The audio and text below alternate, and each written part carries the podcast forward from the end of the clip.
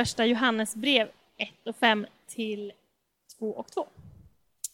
Det budskap som Gud har gett oss att föra vidare till er är att Gud är ljus. Det finns inget mörker i honom. Om vi säger att vi är hans vänner men fortsätter att leva i andligt mörker och i synd, så ljuger vi. Men om vi lever i Guds ljus, så som Kristus gör, har vi en underbar gemenskap med varandra och Jesus, hans sons blod, renar oss från all synd.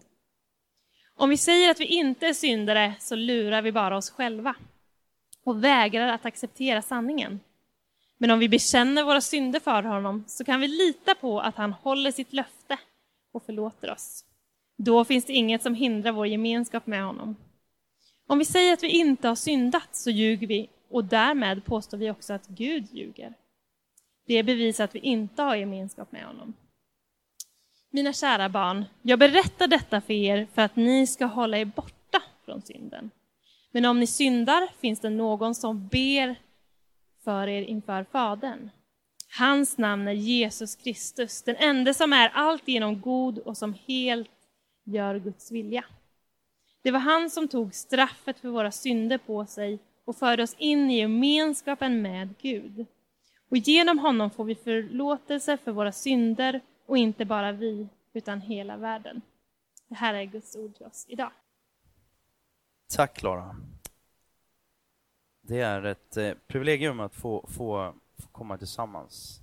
Inte minst när man hör om förföljelse och sådär runt om kring i vår värld. Saker och ting som vi inte ens kan, kan föreställa oss i, i vårt land där vi får göra det mesta och tycka och tänka som, som vi vill utan att Säkerhetspolisen eller någon annan är på jakt efter oss och, och jagar oss. Och våran dröm, bara jättekort, United Stockholm, våran dröm, det är att eh, få presentera och få bygga, eh, använda ordet bygga, men få, få se en, en kyrka som presenterar Gud så som vi tror och man kan läsa om i Bibeln utan att vi behöver måla, oss, måla in oss i ett hörn där alla måste tycka och tänka precis som jag, mig och mitt och vi alla behöver vara liksom, strömlinjeformade precis ut efter samma mall. Men samtidigt så är det inte bara, det är inte bara mina eller dina idéer, inte främst det alls, som är det centrala i United, utan det är det är Bibeln. Därför tycker vi det är så viktigt och så fantastiskt. Jag tycker det är väldigt roligt att få undervisa ur eh, första Johannes brev. Och det gör vi här några veckor. Förra veckan började jag la en, en grund till aposteln Johannes då som var den yngste lärjungen till Jesus. Som det berättas om då, han var den yngste lärjungen som, som Jesus draftade till sitt team. Och sen då när, när han skriver det här så, så är han den siste av lärjungarna kvar. De andra har dött martyrdöden för sin tro på Jesus. Och han är en gammal man, han är någonstans 85 år gammal och skriver här. Och ni hörde Klara läsa när han säger då, mina kära barn. Han tilltalar ju en massa vuxna naturligtvis då. Men är man 85 och man har levt och man, har, liksom, man är aposteln Paulus, eh, Johannes, då får, man, då får man säga så. Eh, och ett, du vet sådär, vi pratar om och vill ägna oss åt, eh, till största delen i alla fall, textutläggande undervisning. Textutläggande undervisning, då tar man en bok helt enkelt, och, eller man tar en text och så lägger man ut den. Och, och vad är det som författaren av den här texten försöker att, att förmedla? Man tittar på kontext. Han, alltså Bibeln är ju inte skriven till dig och mig, men vi tror att Bibeln är skriven för dig och mig. Den är, vad, vad det här då är skrivet, eh, Johannes aposteln skrivet till Efesierna och det är främst då skrivet till de som kallar sig för troende och som, som då rör sig i de olika församlingarna i, eller, i, ja, i Efesos med, med omnejd. Det var inte bara en kyrka, även om det var en stor kyrka där också, men det fanns ett, ett kluster av kyrkor. Eh, det som är spännande med just textutläggande undervisning också, det är ju sådär att att ibland så kommer det upp saker och man läser saker som man, ah, det här kanske inte är det jag längtar efter att få undervisa om och prata om och, och liksom ta tag i sådär. Men texten väljer mig snarare än att bara jag väljer den texten som ska understödja och liksom titta på det och, och belysa det som jag vill prata om. Och idag, om man tittar i den här texten, så är det ett ord som står ut över alla andra ord. Och det är ordet synd. Och det är ett sånt där uppmuntrande ord som i Sverige idag, liksom 2014, så det är förmodligen det man vill prata om mest av alla ord. Eh, jag tycker det ska bli väldigt roligt i alla fall. Ja, faktiskt roligt. Lite så här, både roligt men också, det är ju väldigt allvarligt. Samtidigt så skulle jag vilja be dig om, ehm, jag vet inte vad du har för relation till det här ordet synd. Kanske du har, liksom, du bara vill gå ut och kräkas eh, sådär när vi, när vi pratar.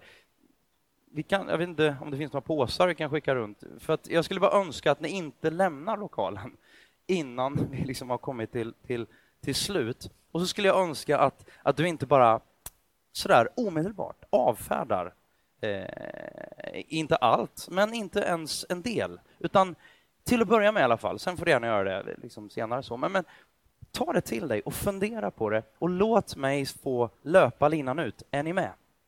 För det här är, det här är de goda nyheterna om Jesus Kristus.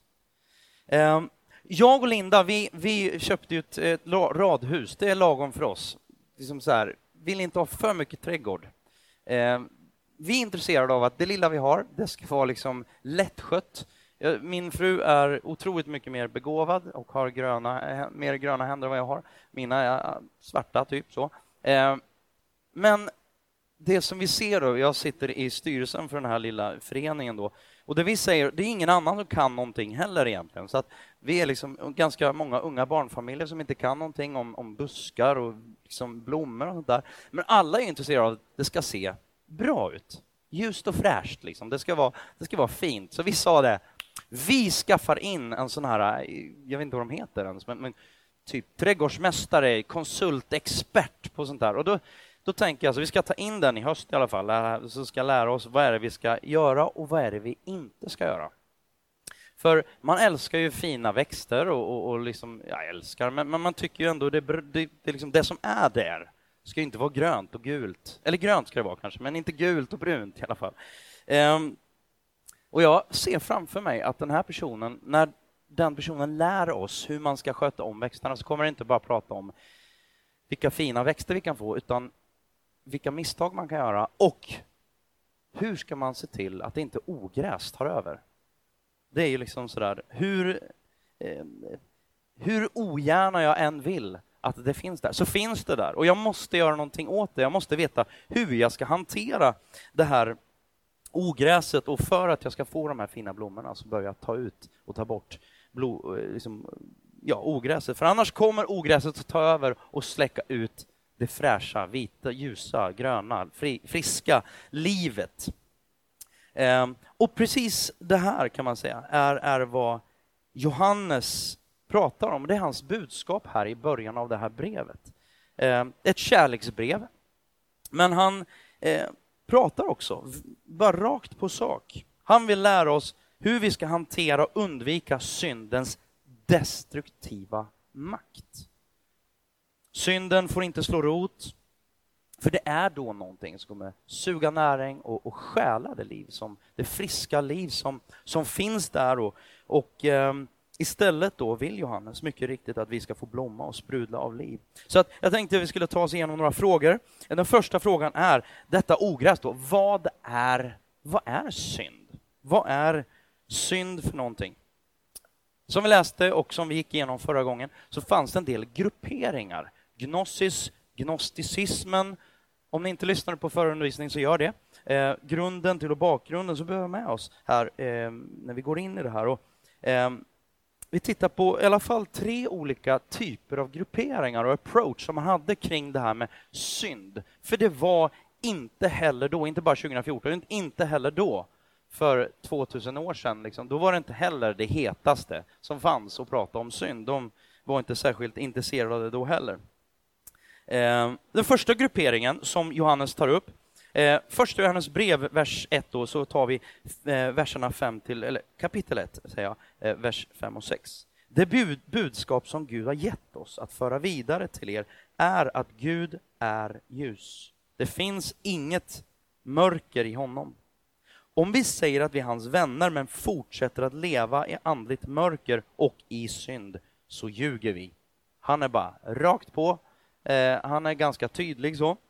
Första grupperingen, det är de här ja, men det är väl okej okay att leva lite hur som helst. Gnostikerna tänkte att ja, men kroppen och, och, och det fysiska, liksom, det har inget värde, så det spelar ingen roll, vi kan göra vad som helst. Eh, Gud ser till hjärtat.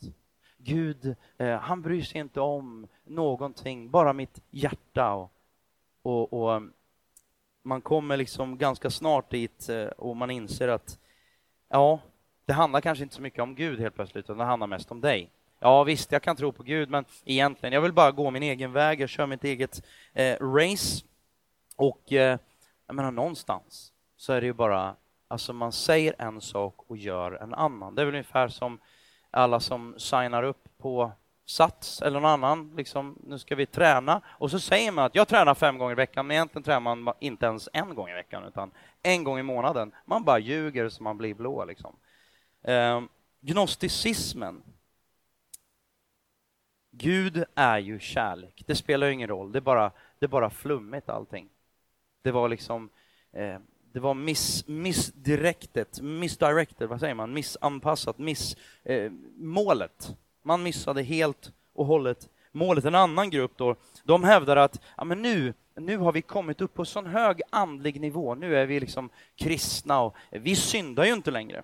Då står det i vers 8, om, inte, om vi säger att vi inte är syndare, då lurar vi bara oss själva och vägrar acceptera sanningen. Vi kanske tänker lite lika sådär. Vi tänker att eh, ja, men jag, är ju, jag är ju ganska god. Jag är ju ganska bra. Alltså jag, jag har inte mördat någon den senaste veckan. Jag har inte rånat en bank senaste tre veckorna i alla fall. Och jag har liksom inte jag har inte, jag har inte nitat min man eller min hustru, eh, liksom slått henne eller honom på käften eller någonting. Så jag är ganska, jag är ganska god ändå, någonstans, tycker jag själv. Eh, men i övrigt, sådär, så, så gör jag ingenting. Och där någonstans så smyger det sig in lite grann så här att man, man nej men jag, jag behöver ju inte, alltså jag har väl ingen, alltså det är väl ingen synd att prata om, eller det är väl ingenting egentligen, men jag är ju, jag är ju, jag är ganska bra sådär. Då kanske det är dags att börja fråga, kanske göra en sån här 360 undersökning. Vad tycker mina medmänniskor? Finns det någonting som de, kanske de som lever närmast mig, så här, lite verklighets, eh, liksom, få en bild av hur verkligheten är. Um, om vi säger att vi inte är syndare lurar vi bara oss själva och vägrar acceptera sanningen. En tredje grupp som någonstans hävdade då att vi har aldrig varit syndare. Um, synd finns egentligen inte bara, det är påhittat för att få människor förslavade.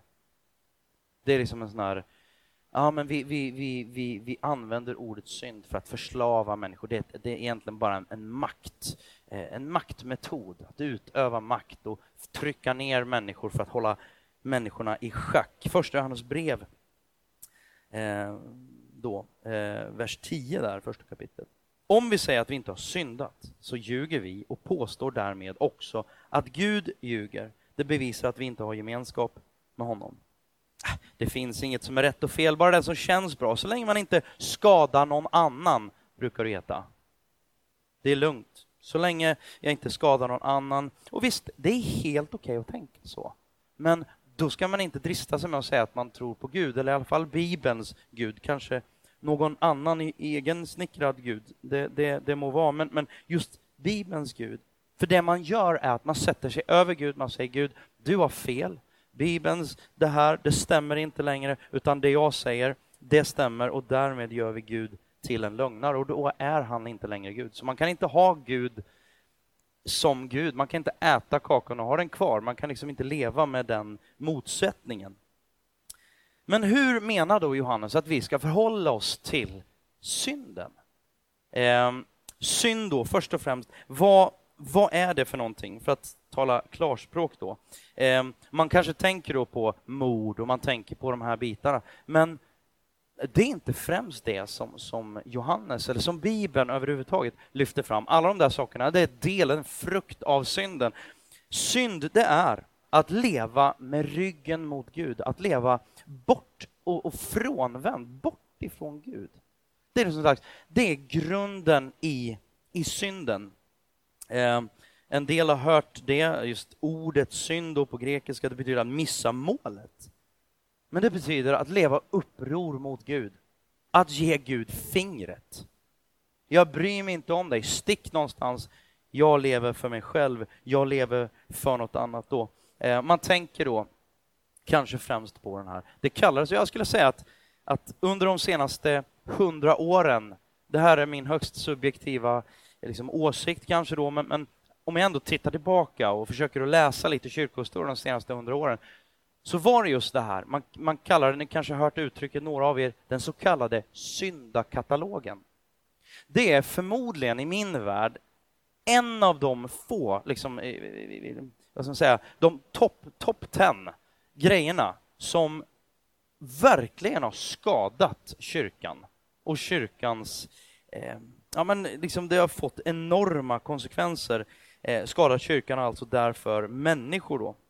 Det där får du inte göra. Det där passar sig inte för en kristen. Det passar sig inte att göra si. Det passar sig inte att göra så. Och så har man valt ut olika grejer, så här, våra favoritsaker. Liksom sådär. Man har fått, jag tror att ett stort problem med detta, det är att man har fått Guds folk, man har fått människor överhuvudtaget, människor som är intresserade, människor som har, har velat närma sig Gud. Man har fått alla att fokusera på sina egna tillkortakommanden. Och vi ska belysa det under hela undervisningen. Det är just det som inte är poängen. Det är precis fel, det är hål i huvudet. Det är fel, liksom, det är bara verkligen helt snurrigt. Ehm, det märkliga är att man har haft så här favoritgrejer och de ändras hela tiden. Så, så liksom, när jag växte upp så var det, ja, men det, var det sådär eh, jag har hört då eh, att, att ja, men, eh, Lindas föräldrar då, till exempel, då, då, fick man inte gå på bio till exempel. Det var inte så, det var inte så farligt när, när jag växte upp, utan det var, det var ganska okej. Okay. Men det ändras sig lite, den här, det, det är så godtyckligt. Ja, men då, då, man kan ju inte vara kristen och, och, och röka eller och snusa.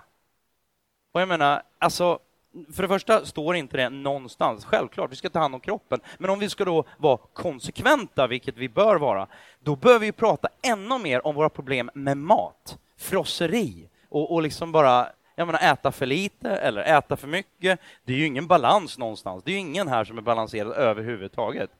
Vi är antingen eller, liksom så här, ja, kanske någon. Men jag bara hårdrar så här, ingen. Vi får helt fel fokus när vi fokuserar på de bitarna. Det blir, det, det, det blir fel. Jag och min navel blir, liksom, det blir det stora. Och det verkar inte vara jättestort i Bibeln, om vi säger så. Så att tala om synd, det handlar inte om att främst peka på individuella felaktiga begär eller felaktiga handlingar, även om det är jätteviktigt, självklart att jag syndar genom att, att slå någon, att sätta mig på någon, att, att misshandla någon, att göra någon illa. Det är klart att om någon gör mina barn illa så blir jag ledsen och de kommer få med mig att göra. Och Gud ser på sitt folk, sina barn, sin skapelse. Om vi gör våld på varandra så är Gud, han är sorgsen över det. Men det är inte det som är, jag ska säga, de individuella grejerna, det är inte det som är fokus, utan det, det Johannes hela tiden pratar om, det är att fokus är ljuset. Fokus är framåt, fokus är uppåt.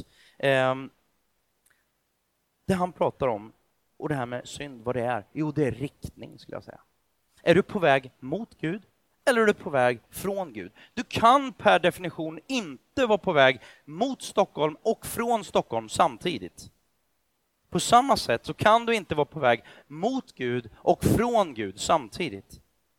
Synden i våra liv gör att vi dras bort, eller om vi hanterar det väl. För den finns där, hur vi än gör, så finns den där, den där rabatten. Och jag måste fixa, och jag måste ut på knäna, och jag måste get my hands dirty för att få bort den där. Vad är då synd rent konkret då? Ja, egentligen skulle man kunna säga så här, allting som inte är gjort i kärlek är synd. Alltså handlar det väldigt mycket mer om motivet. Jesus var till och med så brutal så att när, när fariséerna, skriftlärda och de kunniga, religiösa ledarna, var, var liksom, när, de, när de tittade på, han, han åt saker i, i det gamla templet som man inte fick äta. Så säger han bara, nej men alltså ni har inte förstått någonting. Det handlar inte om vad man stoppar i, liksom om det är snus eller röker eller mat. Det som, det som, det som är, är verkligen synd, det är det som kommer inifrån och ut. Från våra hjärtan, alltså motiven. Då spelar det andra ganska liten roll. Jag har aldrig hört någon prata om, jag har hört prat, eh, folk i kyrkan prata om, du får inte röka, jag har aldrig hört prata om, vi ska inte gå och grilla. Vi ska inte liksom ha mycket mat på grillen, utan vi ska ha så här, mått, alltså det är så obalanserat och det är fel fokus. Fråga nummer två då. Vem är då syndare? Och nu blir det grymt uppmuntrande, för alla är syndare. Nej, men kom igen nu, sluta nu får, du, nu får du ge dig. Det här blir, det blir jättebra det här. Eh, vi kommer till varför. Vi snuddar på det redan, men Romarbrevet 3 och 23. Alla har vi syndat. Alla har vi syndat och saknar därför den, den likhet med Gud som vi är skapade att ha. Det här är aposteln Paulus. Alltså han har skrivit två tredjedelar av, av breven och i stort sett två tredjedelar av Nya Testamentet. Alltså, när man läser om honom så tänker i alla fall jag, alltså, det går inte att vara mycket mer helig än vad han var. Det är liksom, han är sådär. Ehm, ändå säger han själv, och han säger inte bara som ett PR-trick, utan han säger, jag är den största av alla syndare. Och jag tror att någonstans hade han insett både styrkan med att inse att jag är en syndare. Vadå, vad menar du? Vad menar, vadå styrka med att inse att jag är en syndare? Och jag kan avslöja redan nu, för grejen är då, det är ju först då du behöver en hjälpare, först då du behöver någon som kan rädda dig från det. Jag menar, ja, men det finns ingen synd. Mm, Okej. Okay. Se det runt i världen. Har det blivit, vi är ju så sjukt upplysta så det är helt otroligt. Vi vet, speciellt i Sverige, alltså vi vet allt. Han har gjort fel, Obama där borta, och den där tjommen där borta, han är ju helt hoho. Och alla borde ju ha det som oss. Och vi har det ju så sjukt bra på alla plan. Vårt samhälle är ju bara helt fantastiskt. Och det rymmer alla människor, och det finns... Eller? Alltså, vi lever ju i en förljugen värld. Vi tror ju att vi har svaret på allting. Ändå mår folk så brutalt dåligt. Robin Williams, de flesta av, hon, flesta av oss, generellt talat, skulle vilja uppnå hans, hans kändisskap, hans rikedom, hans eh, liksom, popularitet och allt det där. Ändå är det en människa som mår jättedåligt. Jag tänker absolut inte raljera. Jag har också blivit berörd. Och man inser att, att det här, alltså fruktansvärt, det måste vara någonting av det mest fruktansvärda som finns och befinnas i den här världen och allas ögon är på en och samtidigt, jag mår så dåligt så jag vill krypa ur mitt eget skinn. Det måste vara fruktansvärt. Men kom inte och säg, i alla fall inte när jag läser Bibeln, och säger bara, nej men vi har svaren på allt. Vi kan läsa Bibeln och det ger svaren på allt.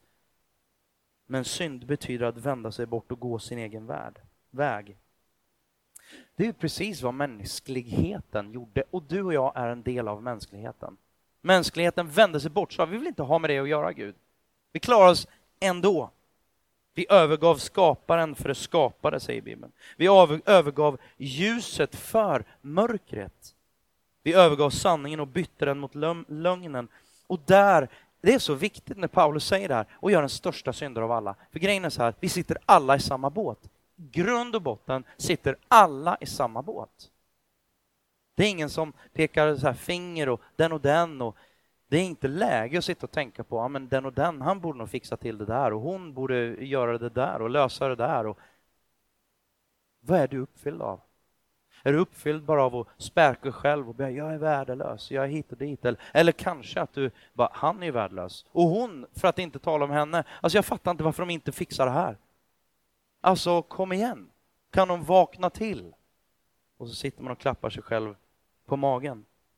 J.I. Packer, en teolog, han eh, skriver så här om eh, synd.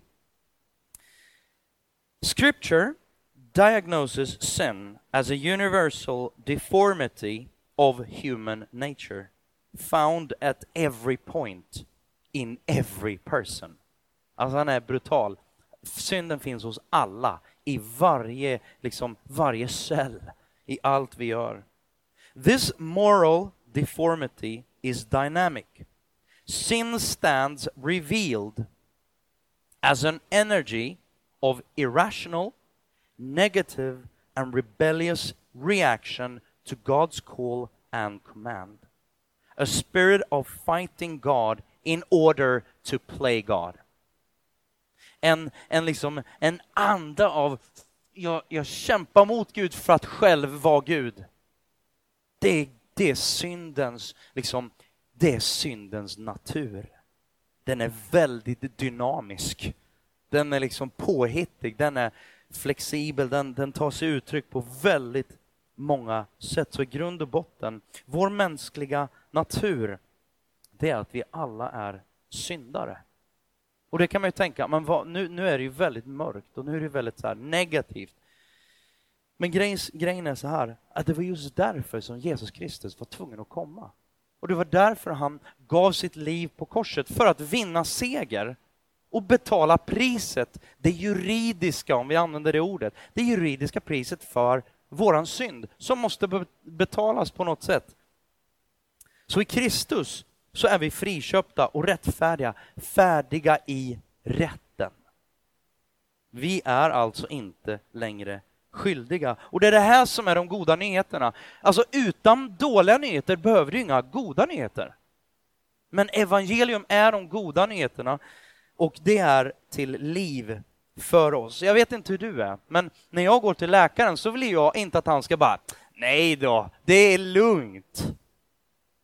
Bara, uh, jag håller på att dö här, men du bara säger att det är lugnt. Så går man hem och så dör man på kuppen. Det är ju en dålig läkare. När jag går till läkaren, hur jobbigt det än är, så önskar jag att han ska hitta, inte bara hitta vad felet är, utan ännu viktigare, fixa felet. Jag sätter det på väldigt nära håll.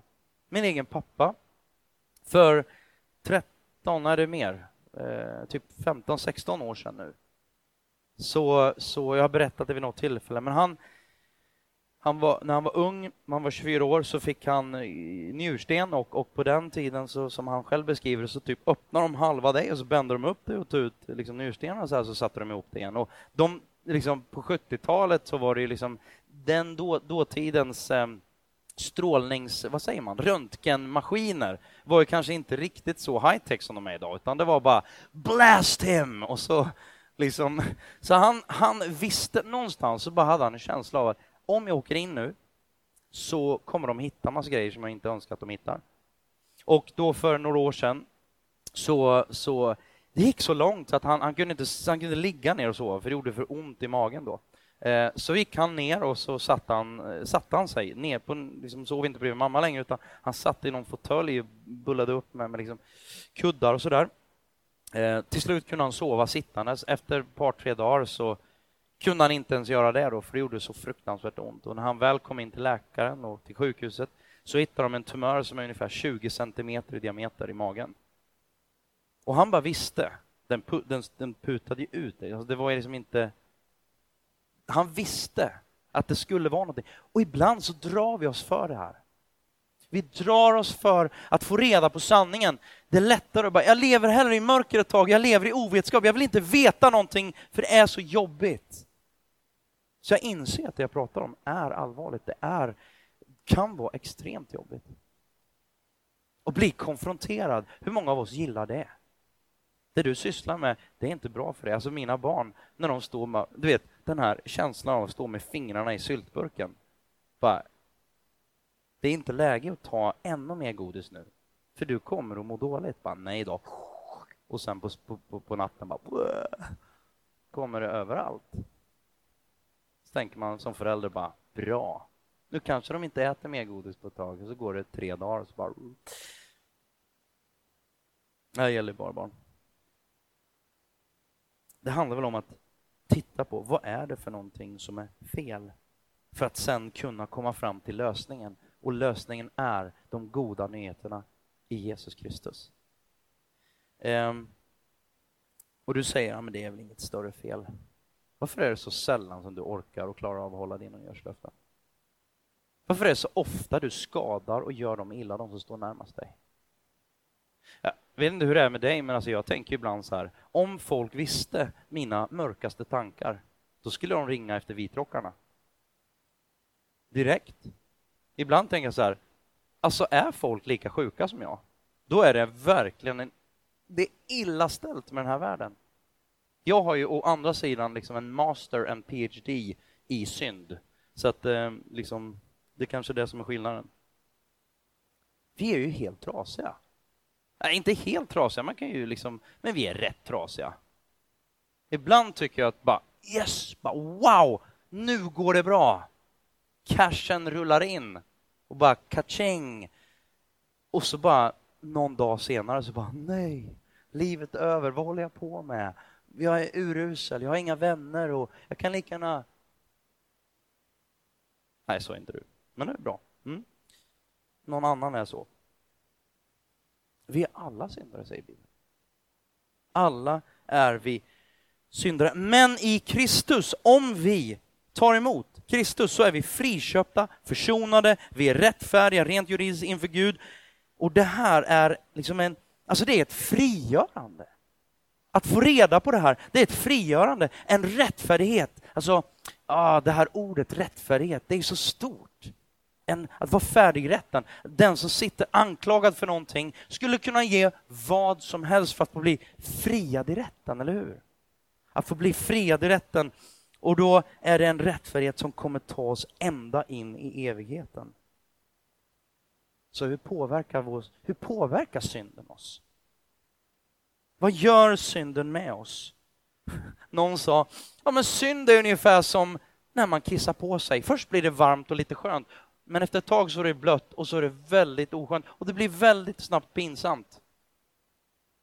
Det är en väldigt bagatelliserande bild av synd, men vi kan titta på Romarbrevet här, vad Paulus säger då i, i kapitel 6, vers 20-23.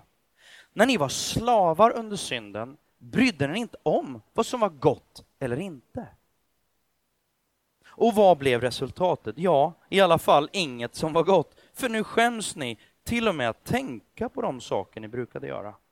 För allt sammans leder till död. Men nu är ni fria från syndens makt och är Guds slavar. Ja, men det var ju positivt. Gå från slaveri till synd till slaveri och Gud. Vad är det här för något ställe? Vad är det för kyrka jag har kommit till? Och hans godhet, ja, det låter lite bättre, mot er förvandlar er och leder till evigt liv. Ja, men det var ju skönt, det var inte så farligt. Syndens lön är döden, men Guds gåva, det är evigt liv genom Jesus Kristus, vår Herre. Alltså ogräset i rabatten, ogräset i våra liv, synden i våra liv, det bara suger ut liv. Det suger ut det här fantastiska som vi har fått av Gud. Livet som vi har fått.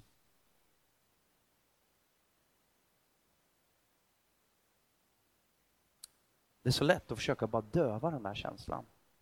Vi stoppar undan den, vi, vi, vi, vi, vi låtsas inte om det.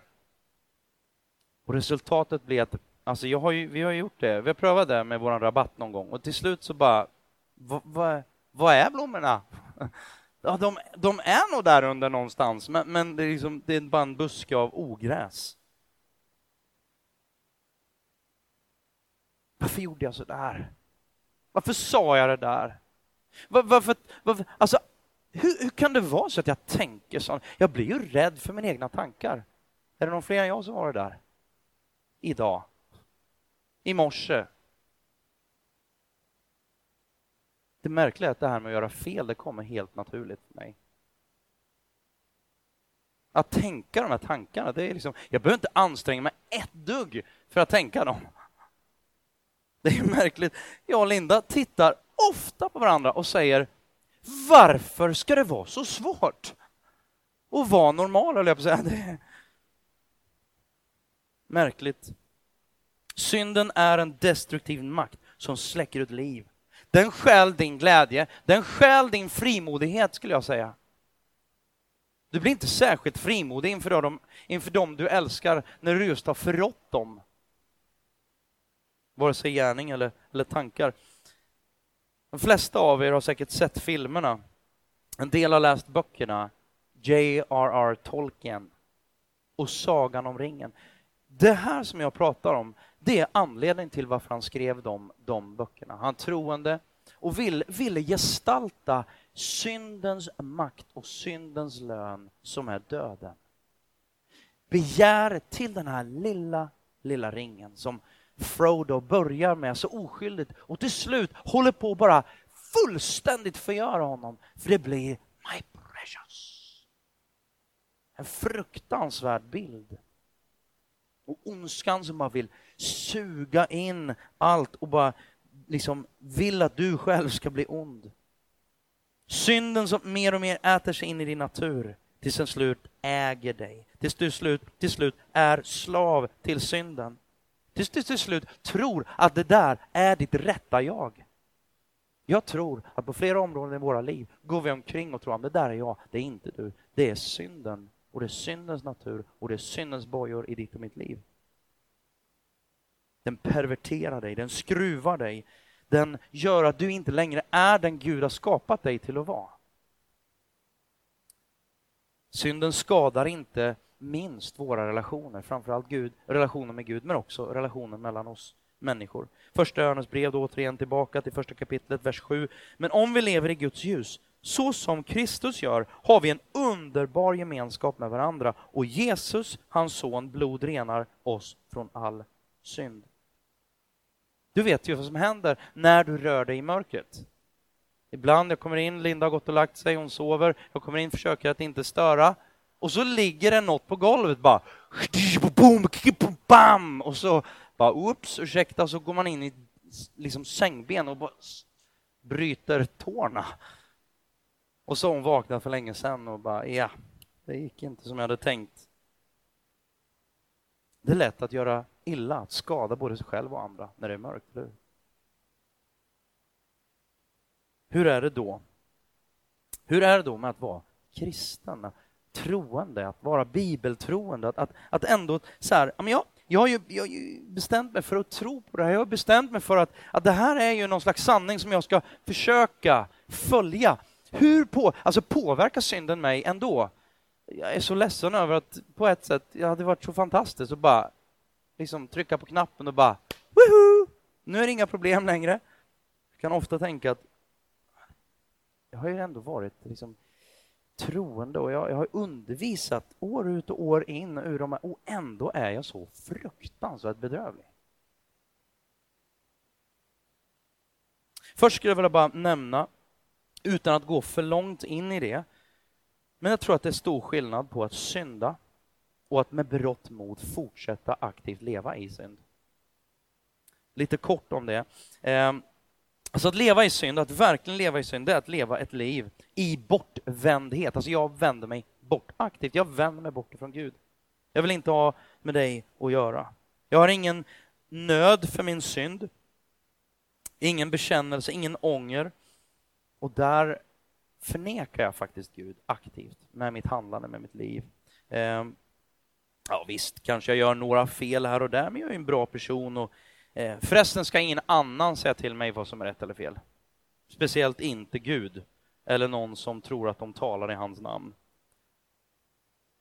Den andra då, att synda eller att lite så här, jag har lite dubbla känslor inför det här med att falla i synd. Jag tror det är någonting som vi, eller jag vet att det är något som vi alla gör regelbundet. Eh, för vi lever i den här världen. Eh, den stora frågan blir, vad har du för riktning? Var är du på väg? Du kan inte vara på väg mot Stockholm och från Stockholm samtidigt. Det är omöjligt. Var är du på väg? Var är ditt hjärtas håg?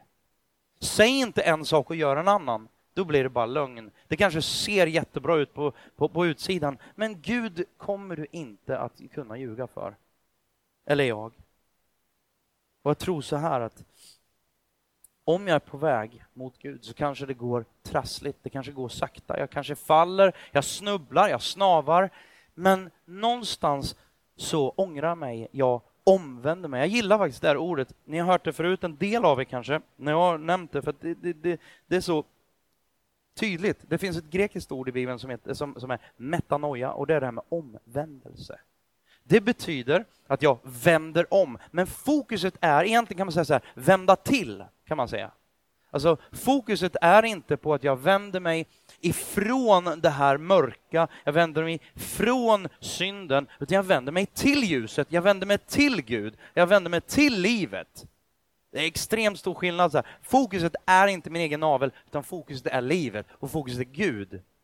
Det är väldigt, i min värld, fantastiskt. Tänk att be om förlåtelse, att det ska vara så fruktansvärt svårt. Redan barn, man tittar på barn, små barn, det här med att be om förlåtelse, det är något som man får träna sig i. Och ibland, eller vad säger du Silvia? Det sitter så långt in i dessa små varelser.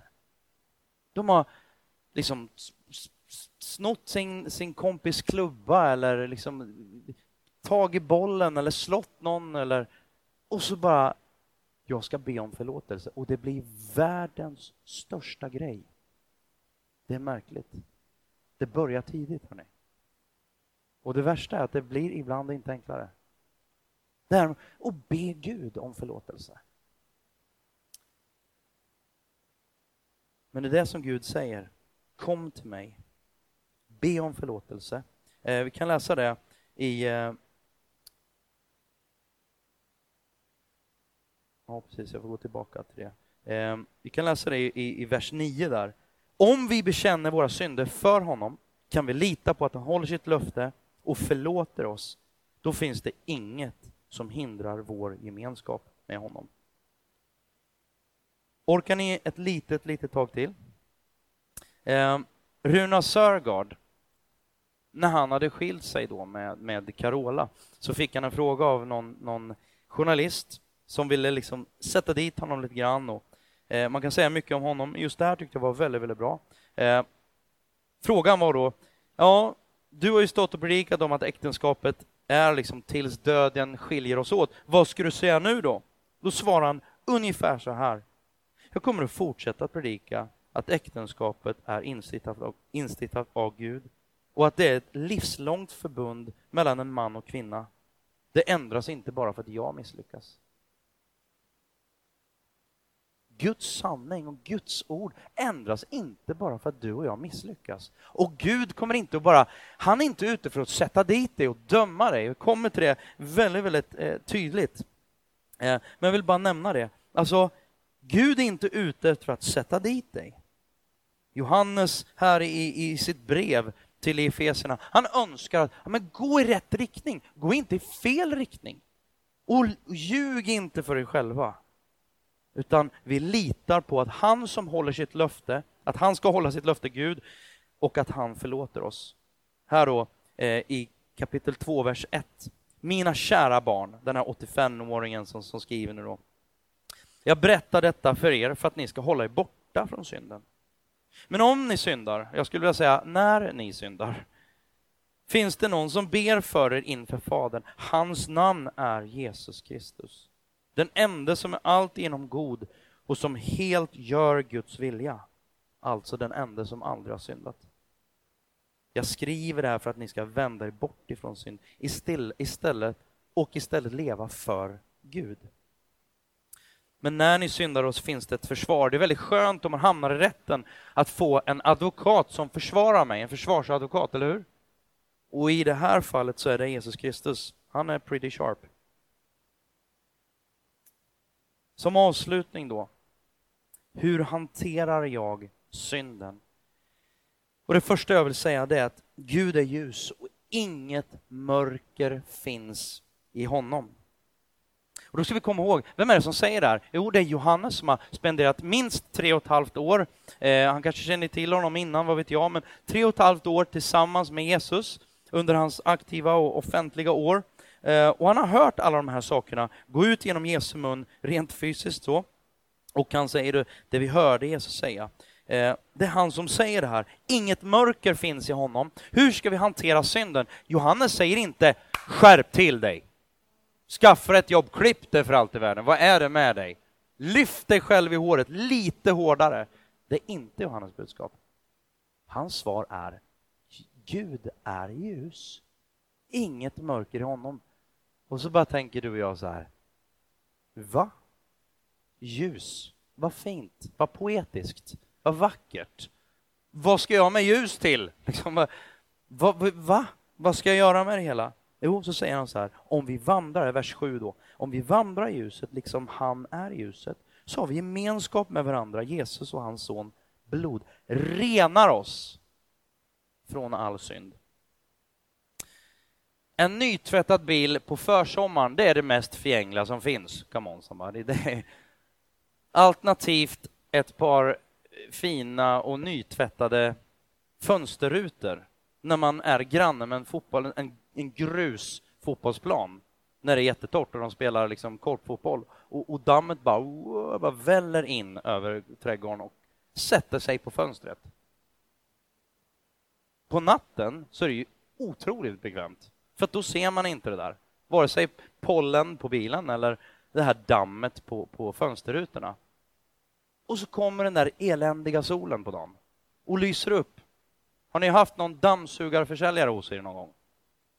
Dammsugarförsäljaren, de, finns det ingen sol, då har de med sig en sån här jobbig ficklampa för att visa hur mycket elände som din dammsugare sprutar ut. Så visar de så här, titta allt det här, det här kommer ut liksom efter att du har dammsugit och så säljer de in en dammsugare som kostar 150 000 och som bara, det är värt varenda öre. Liksom.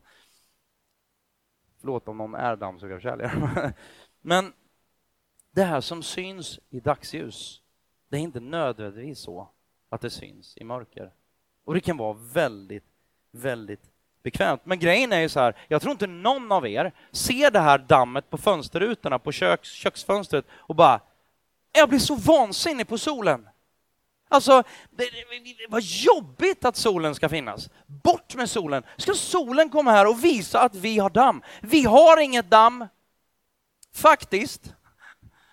Patetiskt, jag vet. Men, men precis så blir det ju med synd. Bara, vi blir arga på Gud. Ja, men Gud, ska du komma här och lysa på mitt mörker? Och bara, ja, men nu är ju du förskräckligt jobbig. Det är ju inte Guds fel att det finns mörker i våra liv.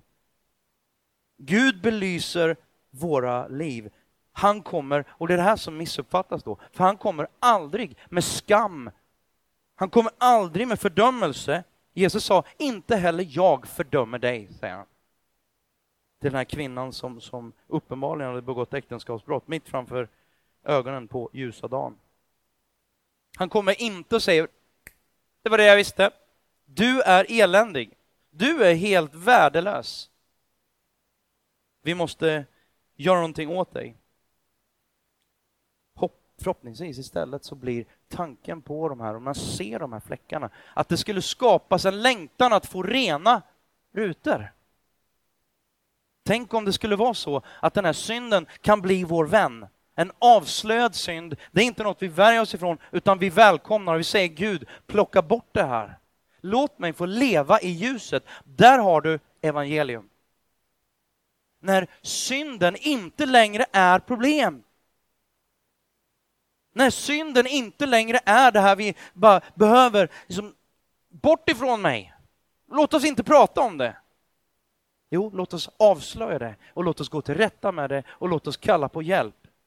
Jesus Kristus kan, och inte bara kan, utan han har redan gett sitt liv för oss. Gud är ljus. Hur påverkar det mig då? Jo, det är väldigt sällan du behöver fightas för att mörkret i ett rum, ja det kan man ju prata olika om, men om du går in i ditt sovrum på kvällen och tänder lampan så behöver du inte göra något åt mörkret. Mörkret försvinner per automatik när du tänder ljuset. Väldigt, en del kristna håller på att fightas mot mörkret. Det är inte vår uppgift. Vår uppgift är att hålla oss nära ljuset. Vår uppgift är att, att sträva efter. Vi ska kämpa kämpa, men vi ska kämpa trons goda kamp. Alltså inte mot mörker och egentligen inte mot synd heller, utan vi ska kämpa för att komma nära Gud. Var helst du tänder ett ljus så flyr mörkret. Mörker och ljus kan inte existera samtidigt. Ju starkare ljus, desto mindre får mörker utrymme. Och det är det här som är de goda nyheterna. Konkret, vad kan du göra åt synden? Jo, läs Bibeln, Guds ord, läs själv. Studera, fundera, reflektera, se till att det blir en vana. Du måste inte det. Väldigt många kristna går omkring med en, en, en, en fördömelse. Jag läser inte Bibeln tillräckligt mycket. Du behöver inte det om du inte vill. Men om du vill leva i ljuset, om du vill leva nära Gud, då måste du, därför att det är det enda sättet att umgås med Gud i bön och genom Bibeln och prioritera gudstjänsterna. För att du behöver också ge det till gemenskapen, inte bara att du sitter och läser Bibeln själv, utan tillsammans läser vi Bibeln idag och vi lägger ut texten och det är olika personer som gör det, men förhoppningsvis så, så, så får vi reda på ännu mer när vi tar tid för det. Vi lyfter ut några få verser och ni märker, det finns så mycket i dem. Ge det till gemenskapen. Det är så lätt att dra sig undan när livet suger. Men det är precis då du behöver ljuset. Du behöver inte bara ditt eget, liksom, jag fixar det här själv. Själv är bäste dräng. Det är inte, det är inte, Guds, det är inte tanken i Guds rike. Så som Klara sa, att vi delar varandras glädje, men också varandras sorg. Ge dig till, låt oss ge, ge oss till varandra. Och sen konkret, ödmjuka dig. Omvänd dig. Framförallt inför Gud, men kanske, och jag har gjort det vid ett par tillfällen, bekänt, bekänt saker och ting som jag brottas med. Berättat det för någon person som jag har stort förtroende för berätta det här, det här brottas jag med. Det här är jag, det här, jag kommer inte över det själv. Och så tar man hjälp och det blir en otrolig styrka. Tänk om vi kunde bekänna synd istället för att göra allt vi kan för att bara kasta ifrån oss och skylla ifrån oss. Då kommer han som kan, han kommer rena oss från all synd. Och om vi bekänner våra synder, ja men då, vi vet ju vad Guds reaktion är när vi kommer. En del är rädda för Gud. Sista storyn, en och en halv minut kvar. Är ni med? Tack. Du kommer till skolan. Där behöver du inte berätta för någon. Nej, jag bara. Men, ja, men han var, han, det var ett år sedan ungefär. Kommer till skolan, ska hämta vår äldsta son och eh, jag går omkring, och letar efter honom i alla rum så här, hittar inte honom någonstans. Frågar lärarna så här, ja, vi såg honom för tio minuter sedan. Eh, så jag fortsätter att gå omkring så jag tittar till slut då i, i, i toaletterna och den sista toaletten i hela, det är liksom massa rum sådär, dörren låst. Så knackar jag på och så bara, Caleb, är du där? Då hör jag honom gråta där inne. Och jag sa, är pappa här? Och han öppnade upp. Så när jag kommer in så sitter han och gråter med brallorna neddragna och han sitter på toan så har det hänt en liten olycka på vägen in i toaletten och, och, och liksom, han sitter där helt själv och vet inte vad han ska göra. Han, skäms ju så han håller på. Och jag, jag bara, alltså ens hjärta bara går ju ut, går ju sönder. Och jag bara kramar om honom där och försöker att inte få på mig så mycket.